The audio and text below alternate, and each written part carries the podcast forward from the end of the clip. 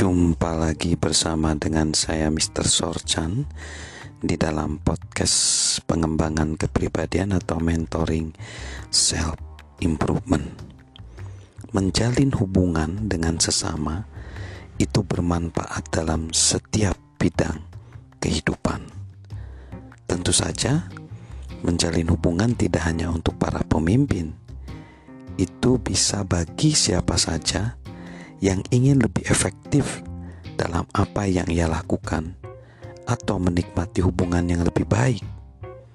Misalnya, ada seorang pengusaha bernama Tom Martin yang menggambarkan pentingnya membangun hubungan.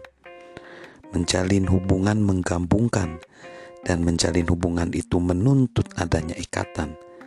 Menurut Tom, inilah yang saya usahakan untuk menolong para sales kami untuk melihat peran mereka dalam mengubah suatu kecenderungan menjadi sebuah prospek, sebuah prospek menjadi seorang pelanggan, dan seorang pelanggan menjadi seorang klien. Para para klien yang terhubung itulah yang menjadi pendukung terbesar yang membesarkan bisnis kami.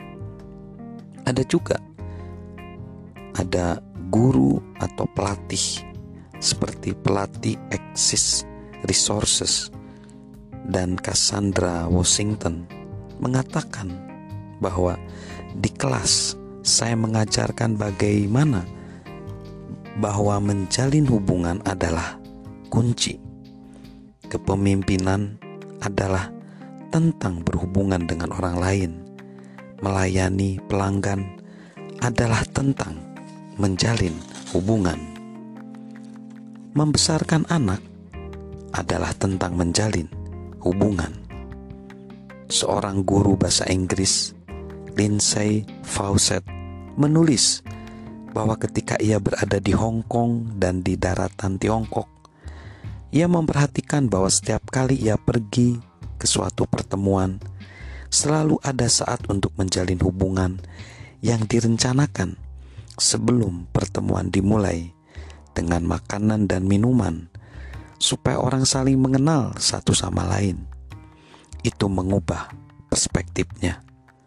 Saya adalah salah seorang yang dibesarkan dengan kebiasaan melakukan segala sesuatu dengan baik, tetapi saya tidak pernah memahami ide tentang menjalin hubungan. Saya akhirnya belajar menjalin hubungan dengan murid-murid saya yang telah mendorong saya menjadi guru yang lebih baik. Ada lagi Jennifer Williams yang baru saja pindah ke suatu lingkungan baru. Berkata bahwa ia pergi untuk menjumpai tetangga-tetangga baru, berbicara dengan mereka, mencari tahu pekerjaan mereka, dan menghafalkan nama anak-anak dan binatang kesayangan mereka. Sementara ia melakukannya, orang-orang mulai berkumpul bersama. Wow, salah seorang tetangga berkata kepadanya, "Sebelum Anda pindah ke sini, kami jarang berbicara, tidak saling kenal, dan tidak pernah duduk-duduk di luar pada sore hari dan bersosialisasi. Anda ada di sini kurang dari dua bulan, dan Anda kenal setiap orang." Jennifer berkata itu karena orang ingin merasa terhubung dan menjadi bagian dari sesuatu. Jadi benar bahwa kita perlu menjadi seorang penghubung atau konektor. Ketika orang memiliki kemampuan untuk membangun hubungan, itu membuat perbedaan besar dalam apa yang dapat mereka capai. Kita tidak perlu menjadi presiden atau eksekutif tingkat tinggi agar dapat menjalin hubungan dan memberi nilai tambah. Membangun hubungan itu penting bagi siapa pun bila ingin berhasil. Membangun hubungan adalah dasar bagi siapa pun yang ingin berhasil.